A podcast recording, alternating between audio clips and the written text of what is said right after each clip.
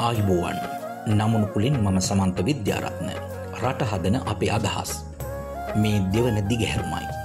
පළමු වැඩසටානයේදී අපි ඔබට පැහැදිලි කර දෙනු ලැබවා දෙදස් හතර වසරේ එක්සත් ජනතා නිදහස් සන්ධාන ආණ්ඩුව ගොඩන කලා ජනතා විමුක්ති පෙරමුණ ලෙස එහි සංස්කෘතික හා ජාතික උරුමයන් පිළිබඳ අමාත්‍යන්සේ භාරගෙන රටේ අභිමානය කීර්තිය හා රටේ ආර්ථික වර්ධනය වෙනුවෙන් එම අමාත්‍යන්සේ මගින් නව සංස්කෘතික ත්‍රිකෝණයක් ගොඩ නැගීමට අපගත් උත්සාහය හා වෙරවීරිය පිළිබඳව. එහිදී අපි ඔබට පැහැදිලි කර දෙනු ලැබුවා එම නව සංස්කෘතික ත්‍රිකෝණය ඓතිහාසික දිගාමඩුල්ල ඌව වෙල්ලස්ස මාගම රාජධානය ඇතුළත් කරලා අපි නිර්මාණය කරන්න සැලසුම් කළ බව. අපි එහිදී පැහැදිලි කරන දෙන ලැබුවා එම වපසරයට අයිති ඓතිහාසික වටිනාකම් පාරිසරික වටිනාකම් පියවරෙන් පියවර ඉදිරි වැඩසටහනදී ඔබට පැහැදිලි කර දෙන බව. ඒ අනුව අද අප ඔබ සමඟ සාකච්ඡා කරන්න බලාපොරොත්තු වන්නේ සිහිලැල් පුරවරය මධ්‍යම කඳුකරය දකුණු හා නැගෙනහිර බෑවුමෙන් ආරම්භ වන සස්්‍රීක නිම්නයක කතාන්දරයක්.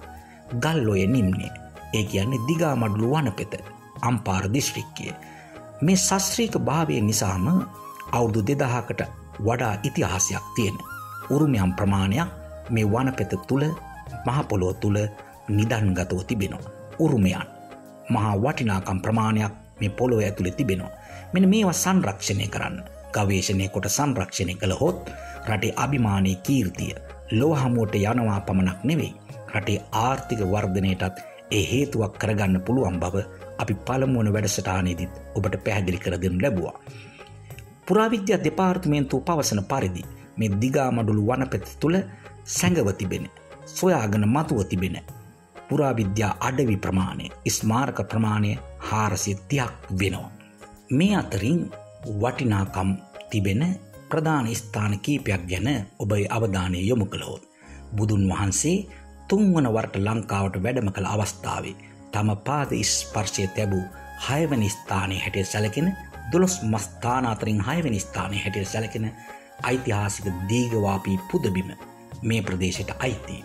ඒ වගේම පුද්දංගල ආරණ්‍ය සේනාසනය රජගල තැන්න පුරාවිද්‍යා සංකීර්ණය උඩිම්බිගල තපෝ වනේ තුරුලෙංගල ආරණ්‍ය සේනාසනය මගුල් මහා විහාරය මුහුදු මහා විහාරය පියංගල ආරණ්‍ය සේනාසනය සමංගල ආරණ්‍ය සේනාසනය මේ ඓතිහාසික පුදබිම් අතර වෙනවා. එපමණක් නොවේ. සමන බැද්ද නීලගිරිය ලාහුගල කොටවේර මීට ඇතුළත් වෙනවා. ඒ විතරක් නෙවෙයි. ඓතිහාසික සාධක විද්‍යාමාන වෙන තැන් හැටියට තවත් අඳුනාගත් ප්‍රධාන තැන් කීපයක් අපි සලකා බලමු. මුහන්දිරංගල් කන්ද, වැද්දාගල කන්ද, කුරඩිකුලම් නටබුන්, ඕරුකුලම් නටබුන්, වෙහෙරගල නටබුන්.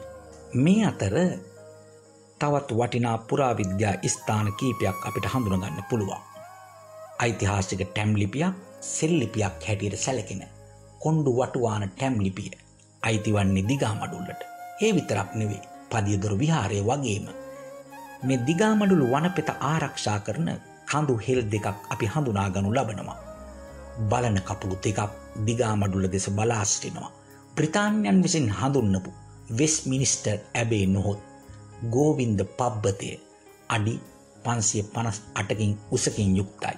ගෝවින්ද හෙළ ලෙසත් එ හඳුන්නනු ලබනවා. වලින්බේ හෙලත් දිගාමඩුල්ලේ ආරක්ෂාවට තියෙන ඓතිහාසික ස්ථානයක් හැටියට සැලකෙනවා.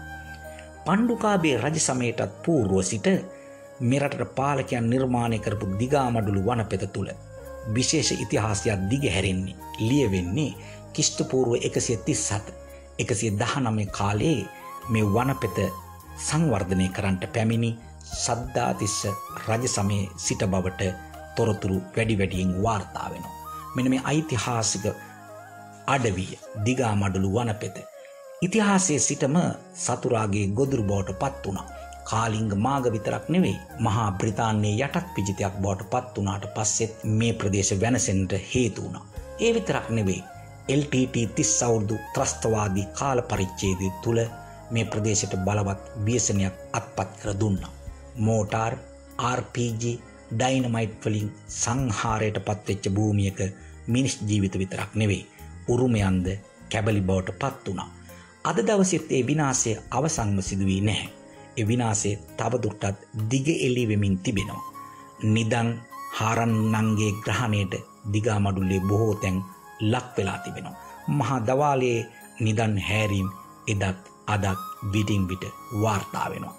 අන්තවාදීන් බෙදුන්වාදීන් අන්‍යාගමිකයන්ගේ ග්‍රහණයටත් මේ ප්‍රදේශයේ බොහෝ උරුමයන් ගොදුරු වෙලා විනාශයට ලක් වෙලා අතවරයට ලක් වෙලා තිබෙනවා. අපි දකිනවා මේව රැක ගන්න ඕනි.